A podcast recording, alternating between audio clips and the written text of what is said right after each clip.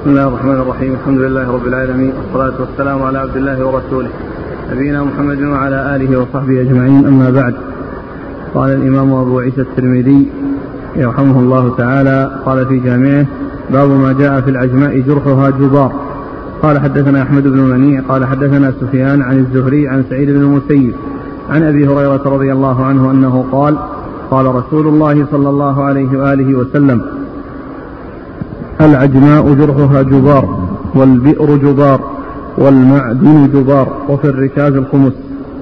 قال حدثنا قتيبة قال حدثنا الليث عن ابن شهاب عن سعيد بن المسيب وأبي سلمة عن أبي هريرة رضي الله عنه عن النبي صلى الله عليه وآله وسلم نحوه.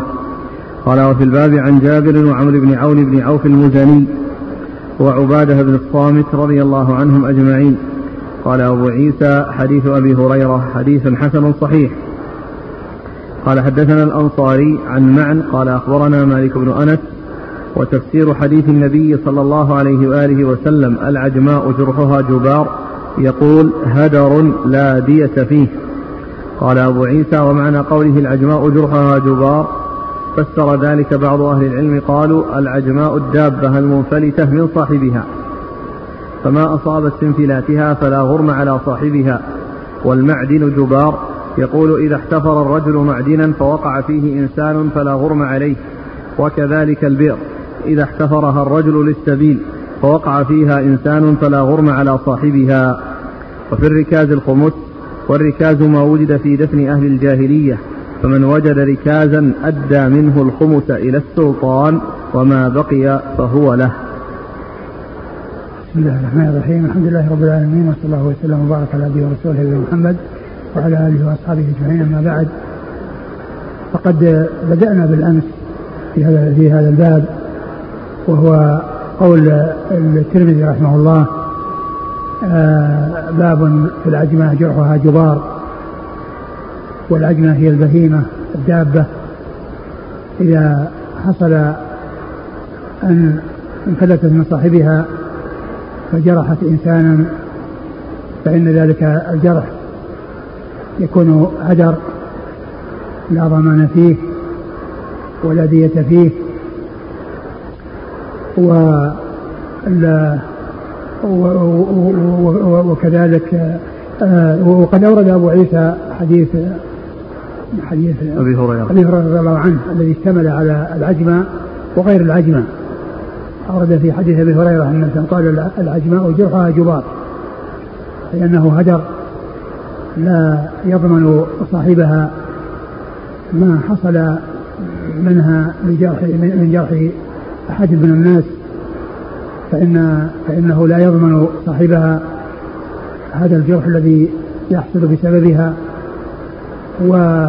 والبئر جبار لو حفر إنسان بئرا في ملكه أو في فلاة من الأرض لتكون يعني آه، سبيلا يأخذ منها الناس.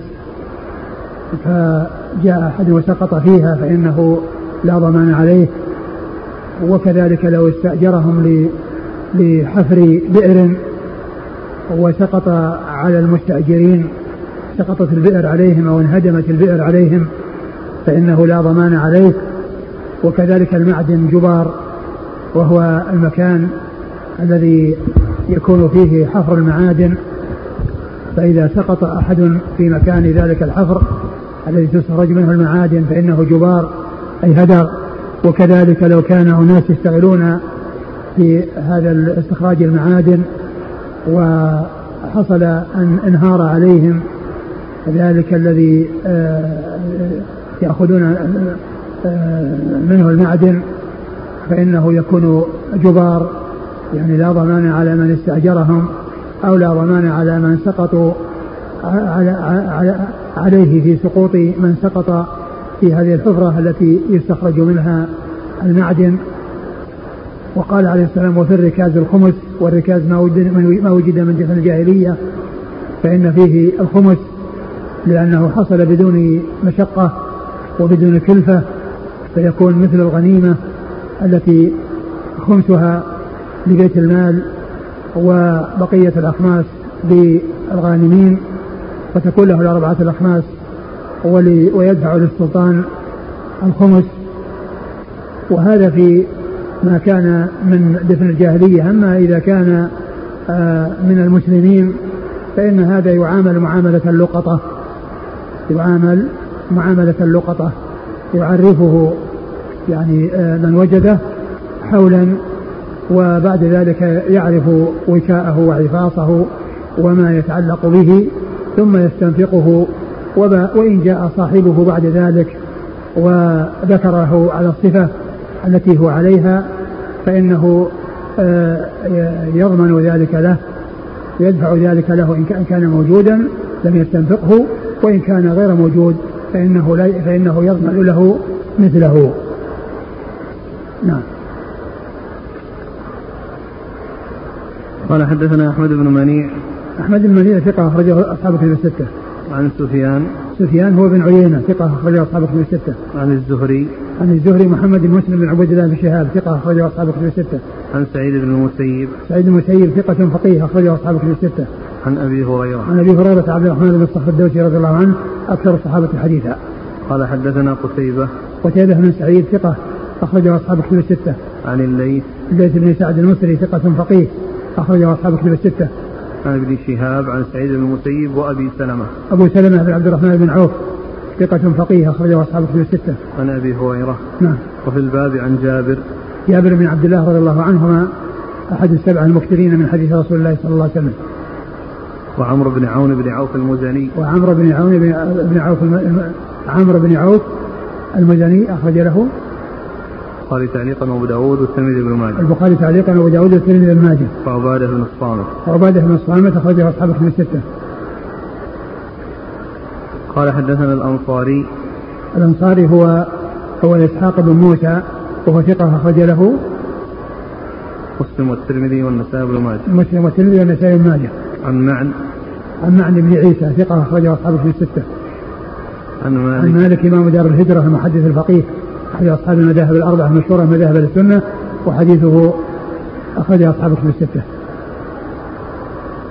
قوله العجماء الدابة المنفلتة يعني المنفلتة من صاحبها يعني ليست معها أما إذا كانت معه فإنه يحافظ عليها ويمنعها ويم ويحول بينها وبين آه، آه، أن تؤذي أحدا يعني يستطيع التصرف فيها أما إذا انفلتت منه وحصل منها أن يعني رفست أحدا وتأدى بذلك فإن فإنه هدر ما يفرق بين الليل والنهار؟ نعم هذا فيما يتعلق ب بالحروث وإتلاف الحروث. هذا يعني يفرق بين الليل والنهار. على أهل على أهل المواشي أن يحفظوا على أهل على أهل الحروث أن يحفظوها في النهار وعلى أهل المواشي أن يحفظوها في الليل وإذا حصل آه، أن أهملوها وتركوها في الليل ويعني عثت في آه، حرث أو بستان وأفسدت شيئا منه فإن عليهم الضمان.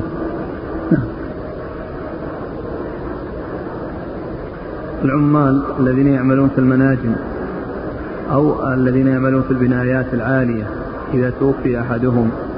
أبد هدر إذا سقط حصل سقوط فإنه لا لا يضمنه المست...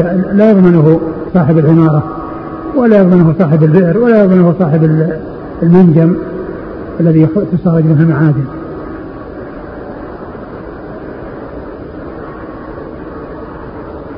قال رحمه الله تعالى باب ما ذكر في إحياء أرض الموات. قال حدثنا محمد بن بشار قال أخبرنا عبد الوهاب الثقفي قال أخبرنا أيوب عن هشام بن عروة عن أبيه عن سعيد بن زيد رضي الله عنه عن النبي صلى الله عليه وآله وسلم أنه قال من أحيا أرضا ميتة فهي له وليس لعرق لعرق ظالم حق. قال أبو عيسى هذا حديث حسن غريب وقد رواه بعضهم عن هشام بن عروة عن أبيه عن النبي صلى الله عليه وآله وسلم مرسلا والعمل على هذا الحديث عند بعض أهل العلم وهو قول أحمد وإسحاق قالوا له أن يحيي الأرض الموات بغير إذن السلطان وقد قال بعضهم ليس له أن يحييها إلا بإذن السلطان والقول الأول أصح. قال وفي الباب عن جابر وعمرو بن عوف المزني جد كثير وسمرة. قال حدثنا أبو موسى محمد بن المثنى قال سألت أبا الوليد الطيالسي عن قوله وليس لعرق ظالم حق. قال العرق الظالم الغاصب الذي يأخذ ما ليس له. قلت هو الرجل الذي يغرس في أرض غيره وقال هو ذاك. قال حدثنا محمد بن بشار قال حدثنا عبد الوهاب قال حدثنا أيوب عن هشام بن عروة عن وهب بن كيسان عن جابر بن عبد الله رضي الله عنهما عن النبي صلى الله عليه وآله وسلم أنه قال من أحيا أرضا ميتة فهي له. قال أبو عيسى هذا حديث حسن صحيح. ثم أورد أبو عيسى رحمه الله هذه الترجمة وهي باب في إحياء الأرض الموات. نعم. باب في إحياء الأرض الموات. الأرض الموات الأرض الميتة هي التي لم يحصل إحياؤها من أحد. فإذا أحياها إنسان بأن حفر فيها بئرا, بئرا أو أحاطها أو عمل عن شيء يعني آه، يؤثر في التملك فإنه فإنها تكون له يعني بهذا الإحياء. وأورد أبو عيسى حديث سعيد بن زيد رضي الله تعالى عنه أن النبي صلى الله عليه وسلم قال من أحيا أرضا ميتة فهي له وليس لعرق ظالم حق أو لعرق ظالم حق أي لذي لذي عرق ظالم حق أي صاحبه. والحديث يدل على أن من أحيا شيئا من الأراضي فإنه يملكه بذلك الإحياء بأن حفر بئرا وزرعها وغرسها من النخل أو الشجر. أو كذلك آه، بناها بناها وعمل فيها مسكنا. وجمهور أهل العلم على أنه له ذلك بدون إذن السلطان. وبعضهم يرى أنه لا يجوز له ذلك إلا بإذن السلطان. وإذا لم يمنع السلطان ويجعل آه، الحصول على الأراضي من طريقه فذلك لا إشكال فيه. وأما إذا منع السلطان من تملك الأراضي إلا عن طريقه فإن له ذلك. ولا ليس لأحد أن يقدم إلا وفقا لما يحصل من من, من السلطان. لأن لأن ذلك يحصل فيه التنافس والخصومات وما إلى ذلك. فإذا كان الأمر يكون عن طريق السلطان بحيث آه، يعني ألزم بذلك ورأى أنه لا يقدم على أحد على تملك شيء إلا بإذنه وبموافقته فإن فإنه يسمع له ويطاع في ذلك. فإنه يسمع له ويطاع في ذلك للمصلحة وللفائدة. وأما إذا كان ما يمنع ويعني من سبق إلى شيء وأحياه إحياء شرعيا فإنه يملكه فإنه يملكه بهذا بهذا الإحياء. وقال وليس لعرق ظالم حق أو لذي لعرق ظالم حق أي لذي عرق ظالم حق أو لذي لعرق ظالم حق يعني هو الذي يغتصب الشيء ويتصرف فيه بأن يغرس فيه يعني يتعدى على أرض ويتسلط على أرض ليست له ويغصبها ثم ثم يغرسها فإنه ليس له حق لأن هذا العرق الذي وضعه في الأرض هو ظلم. فليس له حق يعني في في هذه الأرض. ليس له حق في هذه الأرض بل هذا هذا الأرض إما أن يقطع وإن أراد أن صاحبه أن يتفق معه على أن يعوضه ويبقيه له يعني صاحب الأرض فله ذلك. وإلا إذا طلب منه أن يزيله فإن له أن يزيله أن عليه أن يزيله. والحديث الثاني هو بمعنى الحديث الأول أن من من من أحيا أرضا ميتة فهي له. من أحيا أرضا ميتة فهي له. نعم. قال حدثنا محمد بن بشار. محمد بن بشار الملقب بن دار ثقة أخرجه أصحاب الكتب وهو شيخ لأصحاب الكتب. عن عبد الوهاب الثقفي. عبد الوهاب الثقفي ثقة أخرجه أصحاب الكتب الستة. عن أيوب. أيوب بن أبي تميم السختياني ثقة أخرجه أصحاب الكتب الستة. عن هشام بن عروة. هشام بن عروة ثقة أخرجه أصحاب الكتب الستة. عن أبيه. عن أبيه عروة بن الزبير ثقة فقيه. أخرجه أصحاب الكتب الستة. عن سعيد بن زيد. عن سعيد بن زيد رضي الله عنه أحد العشرة المبشرين بالجنة وحديثه أخرجه أصحاب كتب الستة. والعشرة المبشرون بالجنة كلهم أخرج لهم أصحاب كتب الستة. العشرة المبشرون بالجنة أخرج لهم أصحاب كتب الستة.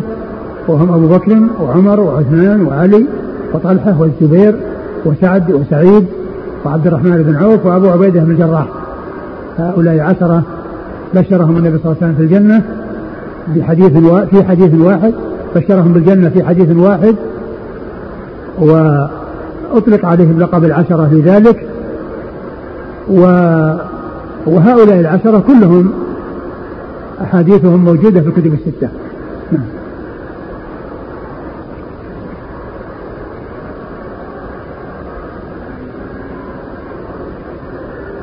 قال وفي الباب عن جابر وعمرو بن عوف المزني جد كثير وسمرة. آه سمرة بن جد أخرجه أصحاب في الستة. قال حدثنا أبو موسى محمد بن المثنى. هو الزمن آه العنزي كنيته أبو موسى مشهور بهذه الكنية وهو ثقة أخرجه أصحاب في الستة وهو شيخ لأصحاب في الستة. يعني هناك عدد من الرواة يعني هم من شيوخ أصحاب في الستة. منهم آه يعني محمد بن بشار ومحمد المثنى. ويعقوب بن إبراهيم الدورقي وعمرو بن علي الفلاس ويعني غيرهم آه كلهم أخ... آه روى عنهم أصحاب الكتب الستة مباشرة وبدون واسطة. قال سألت أبا الوليد الطيالسي. أبو الوليد الطيالسي هشام بن عبد الملك. هشام بن عبد الملك وهو ثقة أخرجه أصحاب الكتب الستة. وقد يعني آه، آه، ذكر عن الإمام أحمد أنه أثنى عليه ووصفه بشيخ الإسلام. وهذا من جنس أحمد بن عبد الله بن يونس الذي سبق أن مر أن الإمام أحمد قال عنه شيخ الإسلام. فهذا أيضا مثله وصفه الإمام أحمد بأنه شيخ الإسلام وهو هشام بن عبد الملك أبو الوليد الطيالسي. نعم.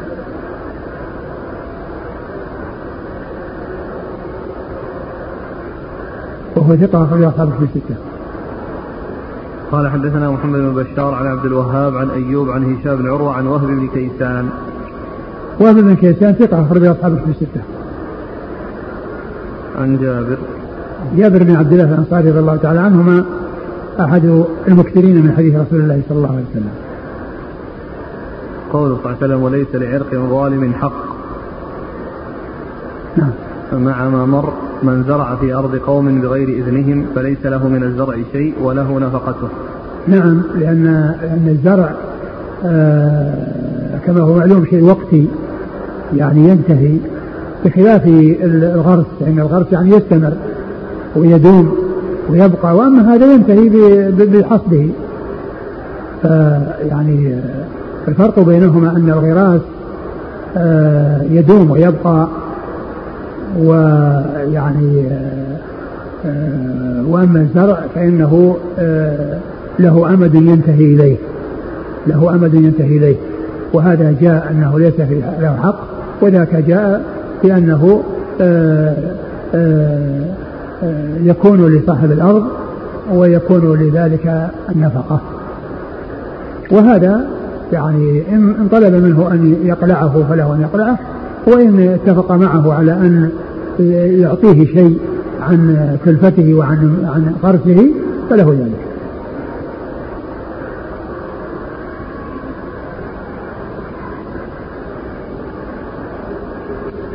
قال رحمه الله تعالى باب ما جاء في القطائع.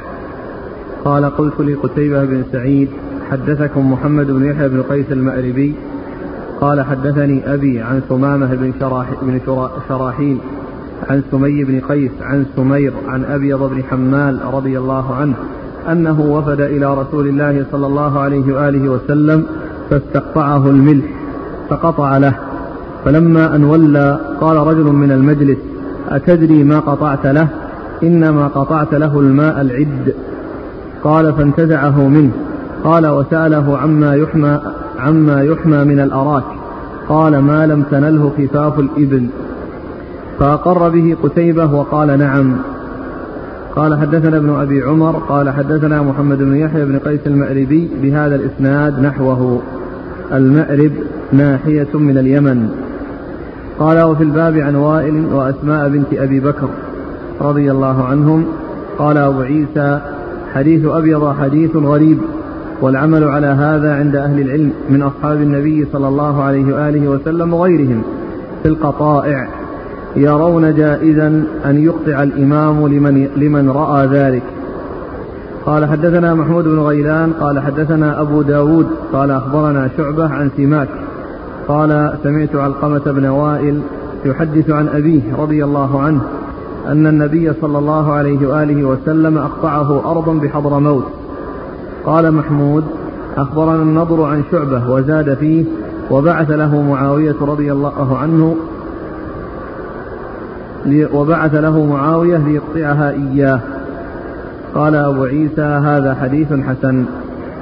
ثم ورد أبو عيسى آه ترجمة. ما جاء في القطائع. ما جاء في القطائع. والمقصود بالقطائع هو ما يقطعه الإمام من الأرض. يعني بعض الرعية.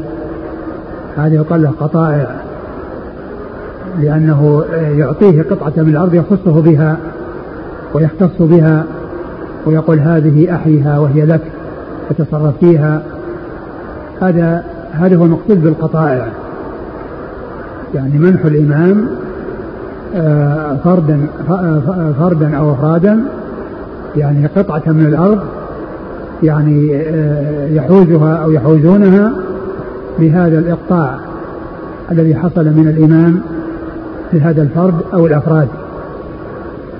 والعلماء متفقون على جواز ذلك كما ذكره المصنف وأن أهل العلم يعني على ذلك وهو قول أهل العلم أن للإمام أن يقطع يعني آه، أحدا يعني شيئا من الأرض يتصرف فيها. وقد أورد أبو عيسى حديث أبيض بن حمال رضي الله تعالى عنه أنه جاء إلى النبي صلى الله عليه وسلم وطالب منه أن يقطعه أن يقطعه ملحا. يقطعه الملح. أن يقطعه الملح.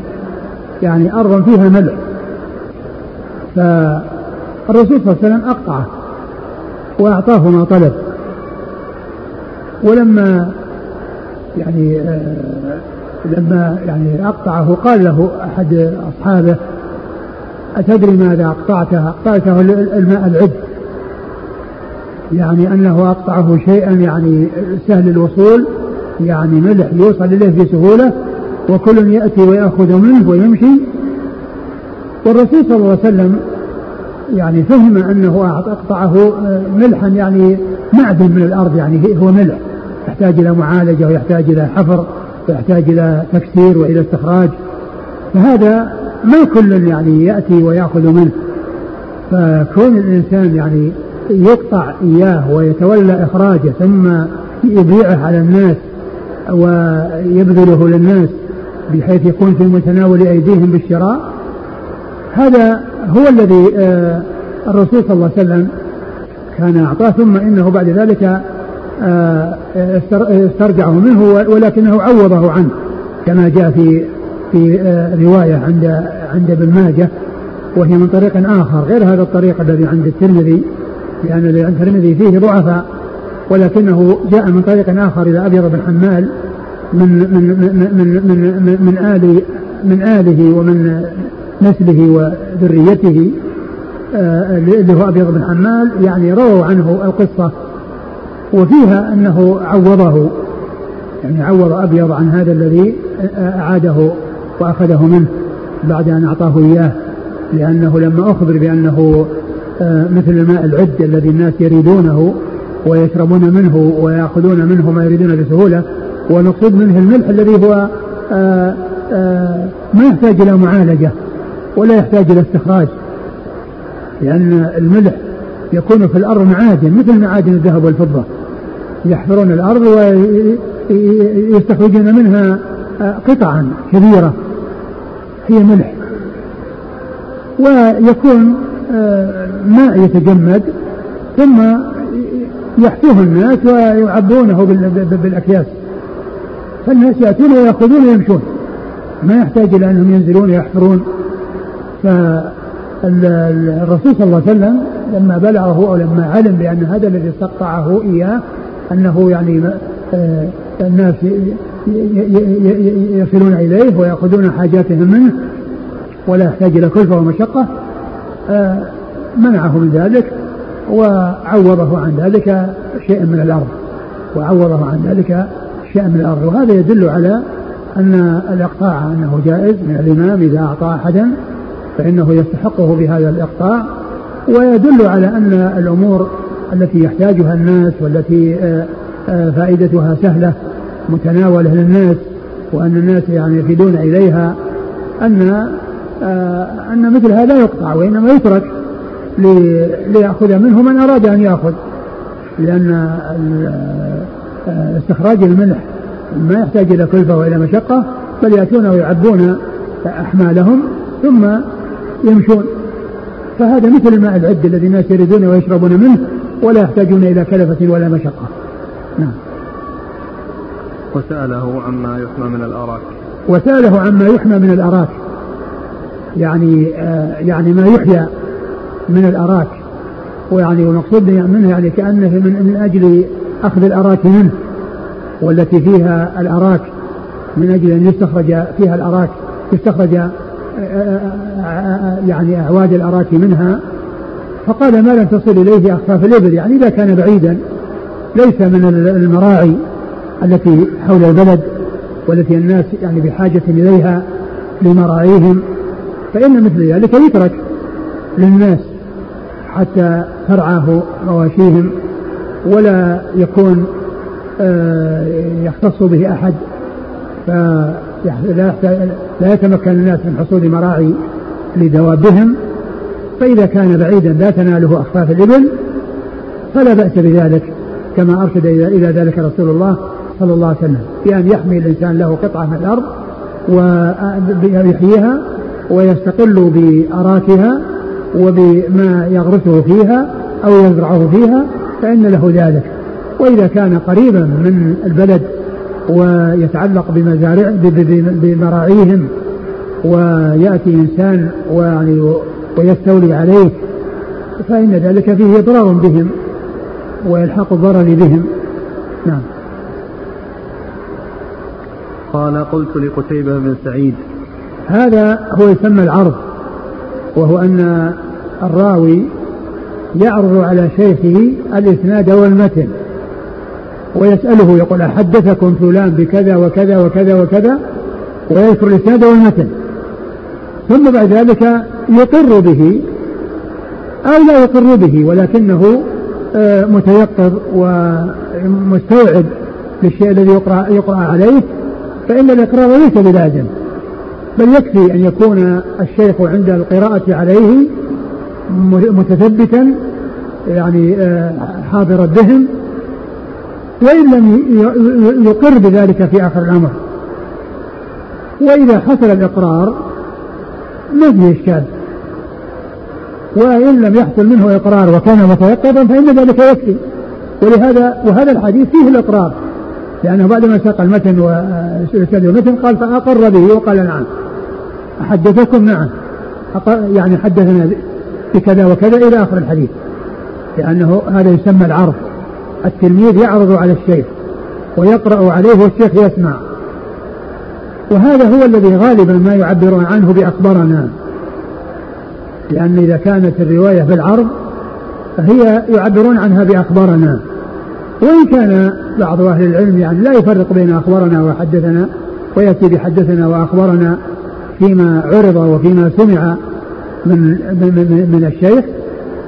كل ذلك يعني آه عند بعض أهل العلم حاصل. بعضهم يفرق بين العرض وبين غيره فيعبر عن العرض بأخبرنا إذا لم يأتي به على هذه هذه الصيغة التي ذكرها الترمذي هنا في هذا الحديث. وهي كونه يقول حدث أحدثكم فلان بكذا وكذا وكذا ويذكر المثل والإسناد ثم يقول في آخره نعم أو يسكت. فإنه إذا سكت وكان متيقظا فإن ذلك يعتبر إقرارا منه. يعتبر إقرارا منه. ولهذا يأتي في بعض الأحاديث لا يقول في لا يقال في آخره نعم. مثل ما جاء هنا في الحديث أنه قال نعم. أقر به وقال نعم. نعم. قتيبة قتيبة بن سعيد ثقة أخرجه أصحاب كتب الستة. عن محمد بن يحيى بن قيس المأربي. محمد بن يحيى بن قيس المأربي هو هو لين الحديث أخرج له. أبو داود والترمذي والنسائي. أبو داود والترمذي والنسائي. عن أبيه عن أبيه وهو ثقة. وهو ثقة أخرج له. أبو داود والترمذي أبو داود والترمذي والنسائي. عن ثمامة بن شراحيل. عن ثمامة بن شراحيل وهو مقبول أخرج له. أبو داود والترمذي والنسائي. أبو داود والترمذي والنسائي. عن سمي بن قيس. عن عن سمي بن قيس. وهو مجهول. مجهول أخرج له أبو داود والترمذي والنسائي. عن شمير. عن شمير وهو مقبول. مقبول أخرج له أبو داود الترمذي والنسائي. أبو داود يعني كل هؤلاء يخرج أبو داود والترمذي والنسائي. الذي بين أبيض بن حماد وبين قتيبة أخرجهم أبو داود والترمذي والنسائي. وفيهم اللين الحديث وفيهم المجهول وفيهم المقبول وفيهم الثقة. عن أبيض بن حمال رضي الله عنه أخرج له أصحاب السنن. أصحاب السنن. وفي الحديث الحديث طريق أخرى غير هذه الطريق تنتهي إلى أبيض بن حمال وليس فيها هذا الإسناد وليس فيها أحد من هذا الإسناد إلا ليس فيها أحد. وفيه بدل قتيبة محمد بن بن يحيى محمد بن أبي عمر محمد بن يحيى بن أبي عمر العدني والبقية هم من من, من نسل يحيى من نسل أبيض بن حماد.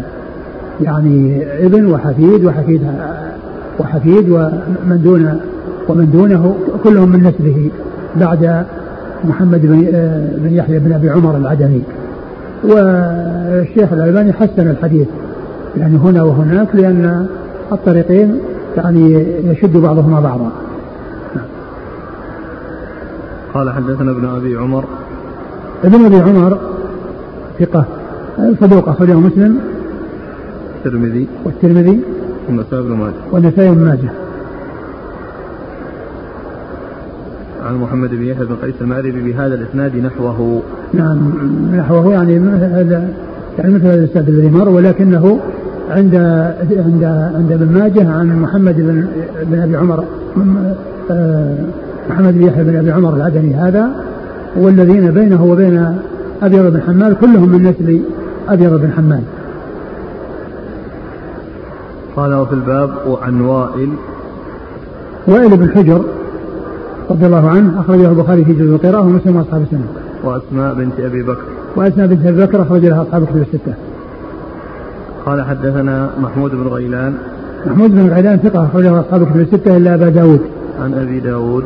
عن أبي داود الطيالسي وهو سليمان بن داود وهو ثقة أخرجه البخاري تعليقا ومسلم وأصحاب السنة. عن شعبة. عن شعبة الحجاج الواسطي ثم البصري وهو ثقة أخرجه أصحاب الكتب الستة. عن سماك. عن سماك بن حرب صدوق أخرجه البخاري تعليقا ومسلم وأصحاب السنة. عن علقمة بن وائل. عن علقمة بن وائل وهو صدوق البخاري. صدوق أخرج له رفع اليدين ومسلم. البخاري في رفع اليدين ومسلم وأصحاب السنن. عن أبيه أن النبي صلى الله عليه وسلم أقطعه أرضا بحضر موت. نعم. أقطعه أرضا بحضر موت. وبعثها قال محمود أخبرنا النضر. محمود بن رافع النضر هو بن شميل ثقة. أخرج أصحاب في الستة. عن شعبة وزاد فيه وبعث له معاوية ليقطعها إياه. وبعث معاوية. يعني ذكر الشعر يعني ذكر قيل إنه إن معاوية هذا هو ابن أبي الحكم معاوية بن الحكم السلمي. يعني ذهب ليقطعها إياه يعني يسلمه إياه يسلمها ليسلمها له. نعم. قال رحمه الله تعالى باب ما جاء في فضل الغرس. قال حدثنا قتيبة قال حدثنا أبو عوانة عن قتادة عن أنس رضي الله عنه عن النبي صلى الله عليه وآله وسلم أنه قال ما من مسلم يغرس غرسا أو يزرع زرعا فيأكل منه إنسان أو طير أو بهيمة إلا كانت له صدقة. قال وفي الباب عن أبي أيوب وجابر وأم مبشر وزيد بن خالد رضي الله عنهم أجمعين. قال أبو عيسى حديث أنس حديث حسن صحيح. ثم ورد أبو عيسى هذه الترجمة وهي باب في فضل الغرس. يعني لكون الإنسان يغرس الأشجار من النخيل وغيرها ثم يستفيد منها أحد. يعني يستفيد منها إنسان وغير إنسان إنسان أو طير أو يعني حيوان فإن الله تعالى يثيبه ويأجره على ما يحصل من الاستفادة من غرسه ويكون ذلك صدقة له يجد ثوابها عند الله عز وجل. وإن, وإن لم يحصل منه قصد لذلك هذا يدل على فضل الزرع وفضل الغرس وأن الطيور والحيوانات وكذلك الآدميون إذا استفادوا منها فإن صاحبها يؤجر على ذلك. وهذا من جنس الخير وتربية الخير للجهاد في سبيل الله وأن وأنها يعني آه أن أنها آه إذا كانت في في في, في روضة و يعني أكلت منها وروثت فإن الله عز وجل يعني يكتب له يعني بذلك حسنات. وإن كان يعني لم يكن في ذهنه وفي نيته يعني ذلك إلا أن إلا أن في هذا حث على على الخير وإعدادها للجهاد في سبيل الله. وكذلك في حث على الزرع وأن الإنسان يحصل الأجور وهو لا يشعر بسبب هذه المخلوقات. من الطيور وغيرها التي تأتي وتأخذ من, من منه حاجتها وتأخذ منه الرزق الذي يرزقها الله تعالى إياه فإنه يؤجر على ذلك وهو دال على وهو يبين فضل الغرس. وقد أورد أبو عيسى حديث حديث أنس أنس رضي الله عنه أن قال من غرس. ما من مسلم يغرس غرسا. ما من مسلم يغرس غرسا. ف أو يزرع زرعا فيأكل. أو يزرع زرعا فيأكل منه إنسان. أو طير أو بهيمة. أو طير أو بهيمة إلا كانت له صدقة. إلا كانت له صدقة. وهذا يعني واضح الدلالة على الفضل وهو الذي هو الترجمة وأن الإنسان يحصل الأجر في ما أخذ منه في ليل أو نهار بعلمه أو بغير علمه فإنه مأجور على ذلك. نعم. قال حدثنا قتيبة عن أبي عوانة أبو عوانة هو ضاح بن عبد الله اليشكري ثقة. أخرجه أصحابه في الستة. عن قتادة. قتادة بن دعامة السدوسي البصري ثقة. أخرجه أصحابه في الستة. عن أنس. عن أنس رضي الله عنه أحد خادم النبي صلى الله عليه وسلم وأحد السبعة المكثرين من حديث رسول الله صلى الله عليه وسلم. وهذا الأحاديث من الأحاديث العالية عند الترمذي وهي الرباعيات. وفي الباب عن أبي أيوب. أبو أيوب الأنصاري خالد بن زيد أخرج له أصحاب الكتب الستة. وجابر وأم مبشر. وأم مبشر أخرج لها مسلم والنسائي بن ماجه. مسلم والنسائي بن ماجه. وزيد بن خالد. وزيد بن خالد الجهني أخرج له أصحاب الكتب الستة. يقول السائل هل غرس الأشجار يكون من الصدقة الجارية؟ آه هو من الصدقة الجارية من هذه الناحية من ناحية آه يعني ما ما يأكل منها من طير ومن حيوانات ومن بهائم أنه يحصل أجره يعني آه يحصل أجره آه هو من هذه الناحية يعني من ناحية استمرار الاستفادة ما دام ذلك الغرس موجودا. هل من احتسب الأجر في أكل الطير من المزروعات له أجر أكثر مما لم. ممن لم يحتسب ذلك؟ لا شك أن أن, كل إنسان ينوي الخير يعني يؤجر على نيته وعلى عمله ولكن الأجر يحصل مع النية ومع غير النية نعم.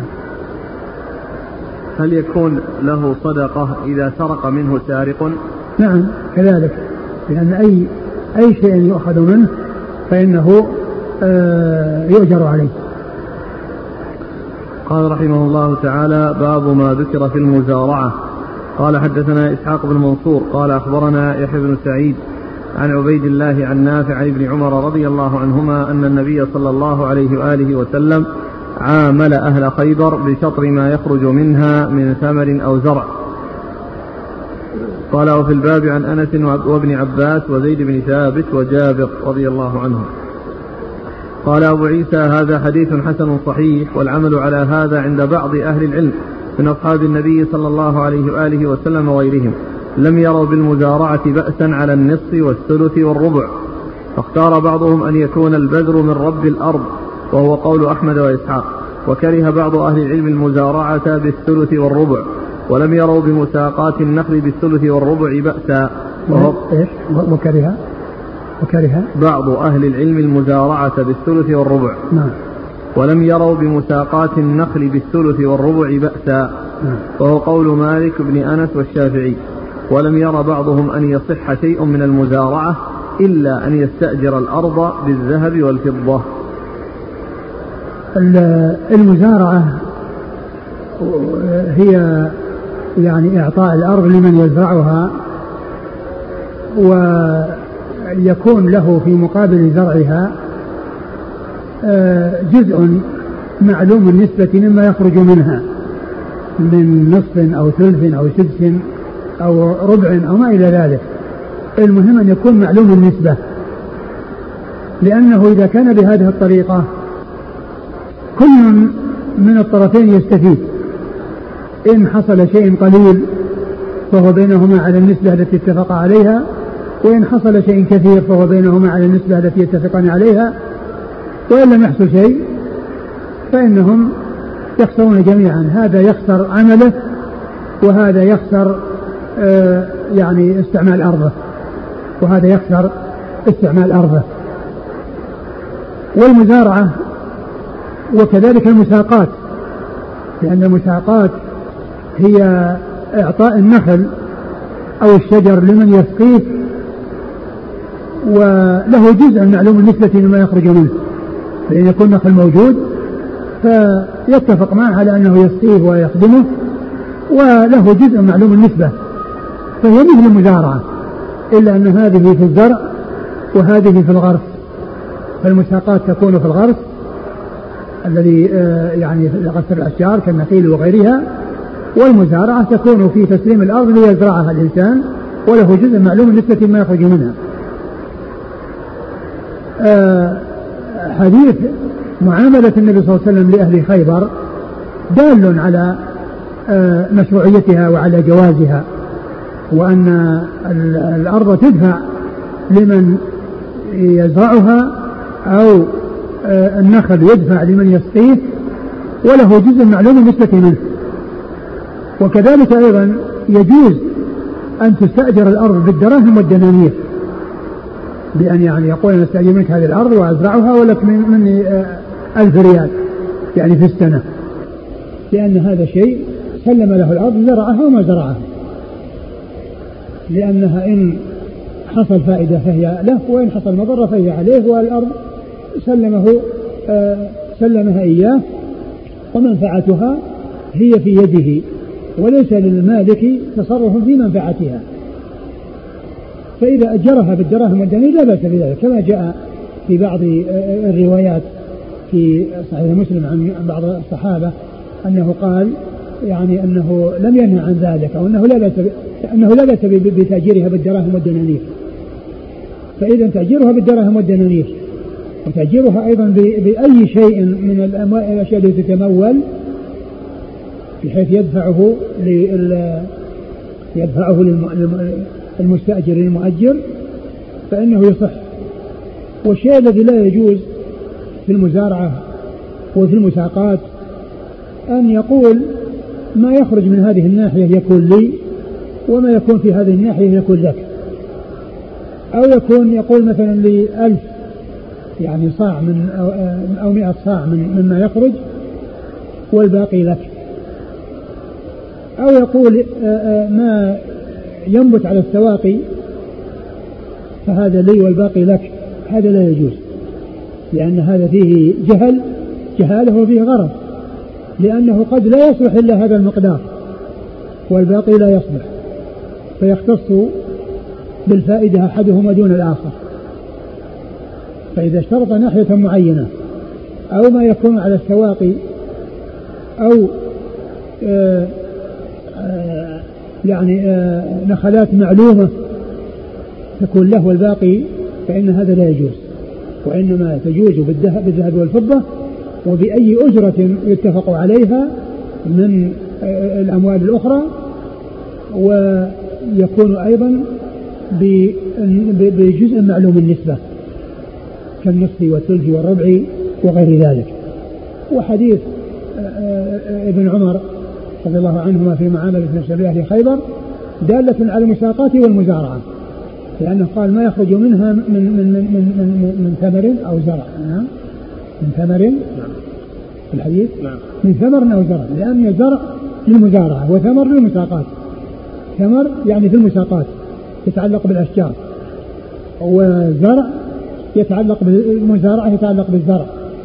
فيجوز العقد يعني للمساقات على حدة والمزارعة على حدة وعليهما جميعا وله آه، جزء معلوم النسبة من هذا أو من هذا أو بالدراهم والدنانير هذا هو الذي يجوز. وأما إذا كان شيئا معلوما أو يختص بأحدهما بمقدار من الآصع آه، والثاني يكون له الباقي قد لا تخرج الأرض إلى هذا المقدار الذي حدده آه، أحدهما. وقد لا ينبت إلا الناحية التي آه، اختارها أحدهما فيكون في ذلك استفادة أحدهما دون الآخر. والمساقات والمزارعة هي مثل المضاربة هي مثل المضاربة والمضاربة أجمع العلماء عليها وأما المساقات والمزارعة فقد اختلف فيها العلماء. فبعض أهل العلم أجاز المساقات والمزارعة أجاز المساقات والمزارعة وهم الحنابلة. ومنهم من أجاز أجاز المساقات المساقات ومنع المزارعة هم المالكة والشافعية مثل ما ذكره المصنف. ومنهم من منع حتى المزارعة. المزارعة والمساقات كلها منعهما.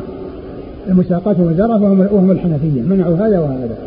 والذي دل عليه الدليل في قصة أرض خيبر أنها تجوز المزارعة والمساقات كل منهما بشيء معلوم النسبة كما جاء في هذا الحديث أنه عملهم على الشطر مما يخرج منها يعني على النصف فيكون نصفه لليهود الذين يحرثونها ويقطعونها مقابل عملهم وللرسول صلى الله عليه وسلم مقابل أن أن أن النخل له وأنه للمسلمين. ف فالدليل واضح فالحديث واضح الدلالة على المساقات على مشروعية المساقات والمزارعة نعم. وإن, وإن, وإن كان البذر من غير رب الأرض.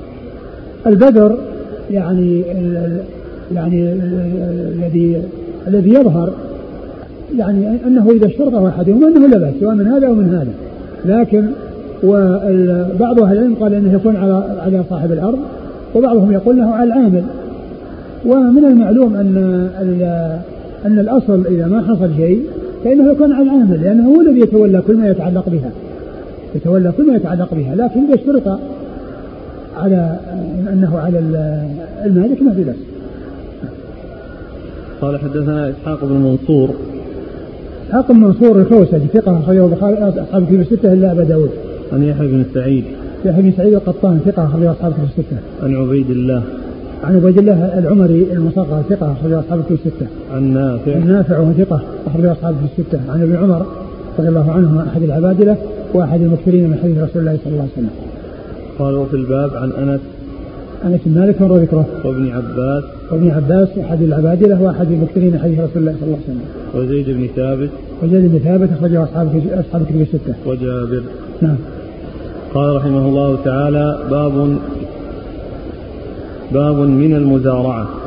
قال حدثنا هناد قال حدثنا أبو بكر بن عياش عن أبي حصين عن مجاهد عن رافع بن خديج رضي الله عنه أنه قال نهانا رسول الله صلى الله عليه وآله وسلم عن أمر كان لنا نافعا إذا كانت لأحدنا أرض أن يعطيها ببعض خراجها أو بدراهم وقال إذا كانت لأحدكم أرض فليمنحها أخاه أو, أو ليزرعها.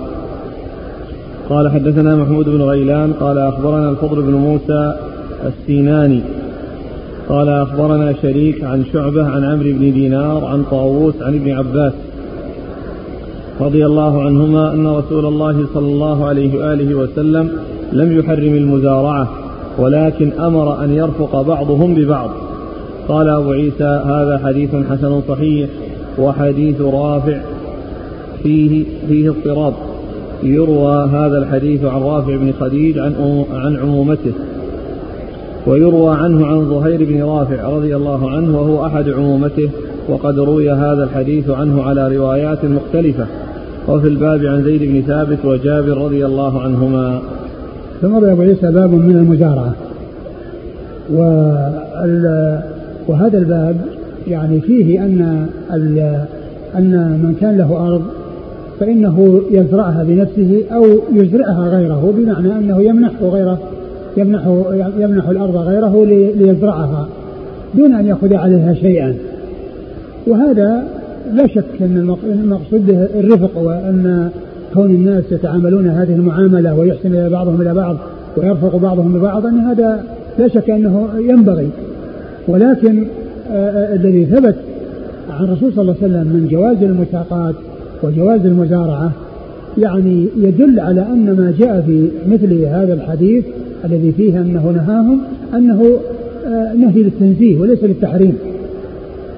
يعني ليس للتحريم لأن المزارعة وكون الإنسان يؤجر أرضه أو يعني آه، يعطيها مزارعة لا بأس به ثابت ولكن لا شك أن الأولى إذا أمكن أن الإنسان يحسن بعضهم إلى بعض ويرفق بعضهم بعض أن هذا هو هو هو الذي ينبغي.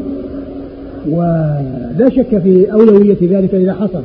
لكن إذا لم يحصل وحصل غيره فإنه ليس بحرام لأنه جاء ما يدل عليه من من الجواز وأنه سائر وعلى هذا يكون ما جاء من النهي يعني في ذلك آه محمول على آه على خلاف الأولى. وأن الأولى هو الإحسان والرفق وإعطاء الأرض لمن يزرعها إذا لم إذا لم آه يزرعها الإنسان بنفسه. ف وحديث رافع جاء في صحيح مسلم من طرق كثيرة ولا يعني يؤثر في ذلك تعدد الطرق أو تعدد يعني كونه عن عمومته أو عن عمه أو ما إلى ذلك. فإن الحديث الحديث جاء في صحيح مسلم من طرق كثيرة وهو ثابت لكنه يحمل على آه على خلاف الأولى. وأما من حيث الجواز فإنه جائز لأن ما جاء في معاملة خيبر يدل على جواز المساقات وعلى جواز المزارعة. وقوله نهانا صلى الله عليه وسلم عن أمر كان ومما يدل على أن حكم المزارعة والمساقات وتأجيرها بجزء معلوم النسبة ما يخرج منها أنه حكم محكم أنه توفي الرسول صلى الله عليه وسلم والعمل عليه ثم العمل عليه في عهد أبي بكر ثم في عهد عمر رضي الله تعالى عنهما إلى أن أجلي اليهود من خيبر فهو يدل على أن حكم المزارعة والمساقات بشيء معلوم النسبة مما يخرج منها أنه حكم محكم ثابت وغير منسوخ ولكن ما حصل أو ما جاء في بعض الأحاديث الدالة على النهي يعني يكون محمولا على التنزيه وعلى خلاف الأولى وأن الأولى هو الرفق وأن يحسن بعضهم إلى بعض وأن يحسن بعض المسلمين إلى بعض في الأراضي التي يملكونها بحيث يزرعونها بأنفسهم أو يعطونها لمن يزرعها يعني بدون مقابل. ولكن إذا ما حصل هذا وأخذ على ذلك مقابل فإن ذلك سائغ وجائز وهو حكم محكم غير منسوخ استمر العمل عليه بعد وفاة النبي صلى الله عليه وسلم في تلك المعاملة التي عامل النبي صلى الله عليه وسلم فيها اليهود عمل في عملهم فيها بكر وعملهم عليها عمر رضي الله تعالى عن الجميع. نعم.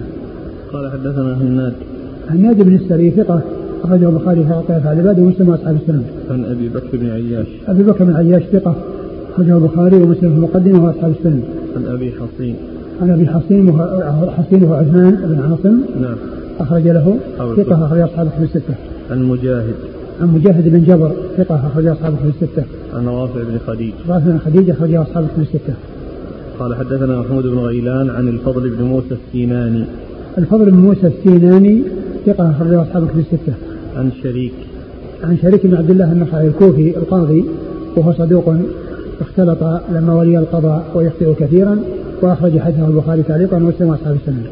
عن شعبة عن عمرو بن دينار. عمرو بن دينار المكي ثقة أخرجه أصحاب كتب الستة. عن طاووس. طاووس بن كيسان ثقة أخرجه أصحاب كتب الستة. عن ابن عباس. نعم. ويروى عنه عن ظهير بن رافع ظهير بن رافع هو عم رافع وهو صحابي أخرج له البخاري ومسلم والنسائي بن ماجه البخاري ومسلم والنسائي بن ماجه قال وفي الباب عن زيد بن ثابت وجابر رضي الله عنه نعم ثم والله تعالى أعلم وصلى الله وسلم وبارك على عبده ورسوله نبينا محمد وعلى آله واصحابه أجمعين. جزاكم الله خيرا وبارك الله فيكم ونفعنا الله بما سمعنا وغفر الله لنا ولكم وللمسلمين أجمعين. آمين. آمين.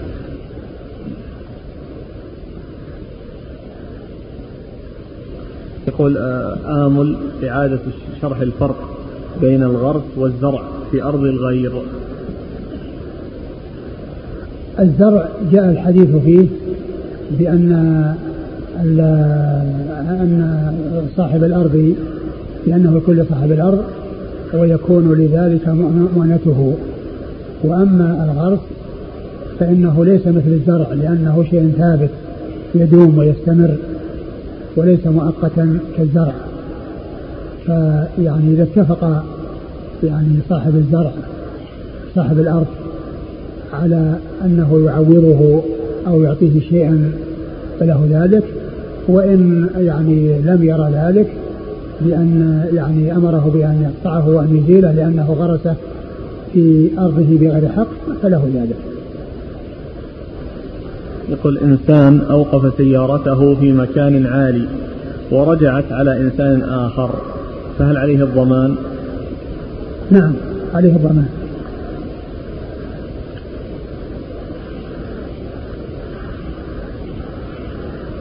لأنه متسبب يعني بإيقافها في مكان عالي.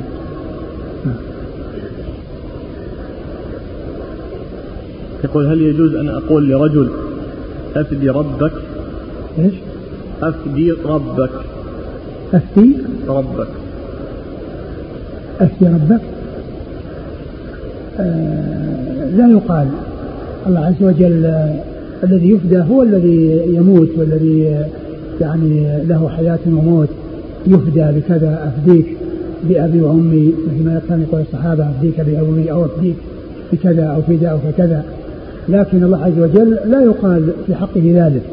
وأما ما جاء في الأبيات التي في صحيح البخاري وفي دلك الذي فيه عن عن آه، بالأكوع الذي هو أخو سلمة بالأكوع عامر بن عامر بالأكوع ما أظن كذا الذي ذكر أبيات قال في دلك في دلك يعني يعني معناه أنه نقدمه لك يعني آه، أعمالا صالحة يعني آه، نفتدي بها أنفسنا أو كذا. وليس المقصود أن نفديك بكذا وكذا. الله عز وجل لا يفدى بشيء لأن هذا يقال في حق من يموت. وأما من الحي الذي ينام لا يقال في حقه ذلك.